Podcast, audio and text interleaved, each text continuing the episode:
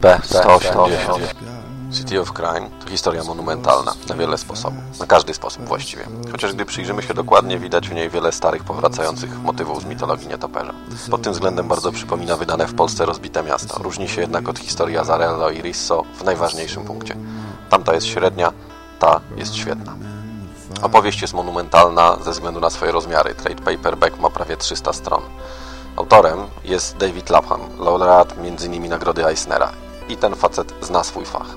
Głównymi bohaterami City of Crime są oczywiście zamaskowany mściciel i jego teren łowiecki, czyli miasto Gotham. W języku angielskim miasto jest płci żeńskiej, co ustawiam na, na początek opozycję jakby pary kochanków. Chociaż nie jest to najlepsze porównanie, bo ta para toczy ze sobą wojnę. Motyw Gotham jako bohatera powracał wielokrotnie w przygodach Batmana. Moimi ulubionymi jego wersjami jest Mroczny Rycerz Mrocznego Miasta, Pióra Milligana, wydany zresztą w Polsce przez TM Semik oraz Oczy Martwego Chłopca Kenta Williamsa, również wydane w Polsce. Tym pierwszym Gotham jest opiekunem, przewodnikiem i stworzycielem Mrocznego Rycerza, w tym drugim stworzycielem, ale także rywalem. Tym razem Gotham jest wrogiem. Jest Lilith, matką demonów, które płodzi, by gnębić swoich mieszkańców. Pod pewnymi względami zakończenie, o którym za chwilę, przypomina doskonałe machiny Tada McKeevera, również opublikowane w miesięczniku TM Semik. Historia meandruje, a my śledzimy ją oczami Batmana, który prowadzi narrację.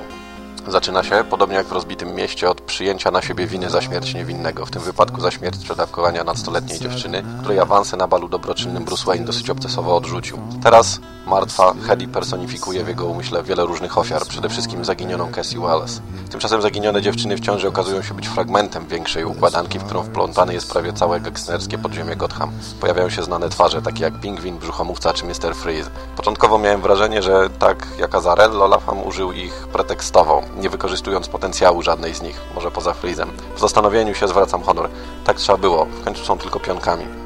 Druga część historii, obracająca się wokół odbudowy nabrzeża, która ma, jak zwykle, służyć świetlanej przyszłości, zaczyna coraz bardziej wciągać czytelnika w mroczne trzewia miasta. Scenarzysta epatuje nas od samego początku beznadzieją, brzydotą i krzywdą. Już prolog zaczyna się od wyliczanki nieszczęść, które tutaj wreszcie znajdują swojego sprawcę. No i tu dochodzimy do porównania z machinami. Miasto Gotham, w zależności od mitu, powstało na różnych terenach. Najpopularniejszą wersją jest dawny zakład dla obłąkanych. Dosyć mocno też trzymają się stary zdewastowany kościół, świątynia okultystów lub w niektórych opowieściach indyjski cmentarz. Tu wspomniane są te dwa pierwsze. To właśnie tam, w trzewiach miasta, w pieczarach pod jego powierzchnią jest kloaka, z której prosto z wnętrza zatrutej ziemi pod metropolią lęgną się istoty złe. I to w zasadzie mój jedyny zarzut do tej historii.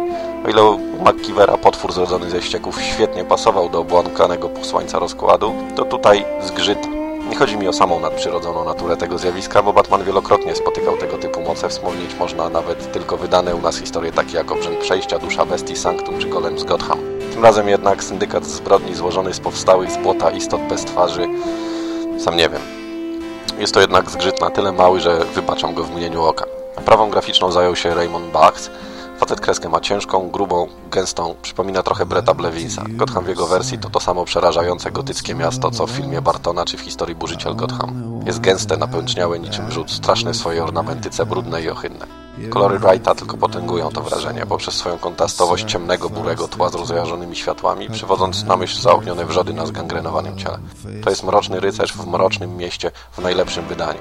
Jest to przykład historii dopracowanej w każdym calu. Mamy rozbudowane wątki poboczne, w których swoją opowieść prowadzą Robin i James Gordon. Jest wyjątkowo długa chwila na śledztwo bez maski. Są trochę ograne, ale jednak nadal przekonujące rozterki mściciela. Jest też, podobnie jak w rozbitym mieście, zakończenie. Zakończenie dosyć okrutne, chociaż od pewnego momentu należało się go spodziewać. Tym razem jest to podane wiarygodnie, nie wydedukowane przez klauna zamkniętego bez dostępu do informacji na podstawie ćwierkania ptaszków, lecz w formie spowiedzi sprawcy.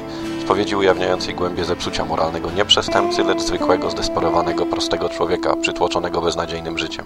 Jest to stosunkowo nowa opowieść ze świata Batmana. Jako taka pozwala żywić nadzieję, że idea zamaskowanego mściciela stworzona przez Onila i Adamsa w latach 70. nie umarła. Że możemy spodziewać się odwrotu od napakowanego elektronicznymi pierdółkami faceta z majtkami na spodnie biegającego na czele zastępu harcerskiego. W kierunku źródeł, w kierunku mrocznej, ciężkiej opowieści o detektywie, który wykorzystuje swój umysł i ciało, a nie technologiczne zabawki. Cytując Jonathana Rossa, dla mnie Batman zawsze będzie taki, jakim sportretowano go na tych stronach. Pozdrawiam, Godaj.